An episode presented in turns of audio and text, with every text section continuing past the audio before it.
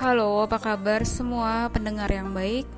Untuk tetap semangat, kita harus mencari banyak inspirasi dari hidup di sekitar kita, mendapatkan hal-hal yang positif untuk energi positif, untuk kita tetap maju ke depan, sehat mental dan spiritual, sehat fisik, sehingga kita mampu berkarya dan bermanfaat bagi banyak orang.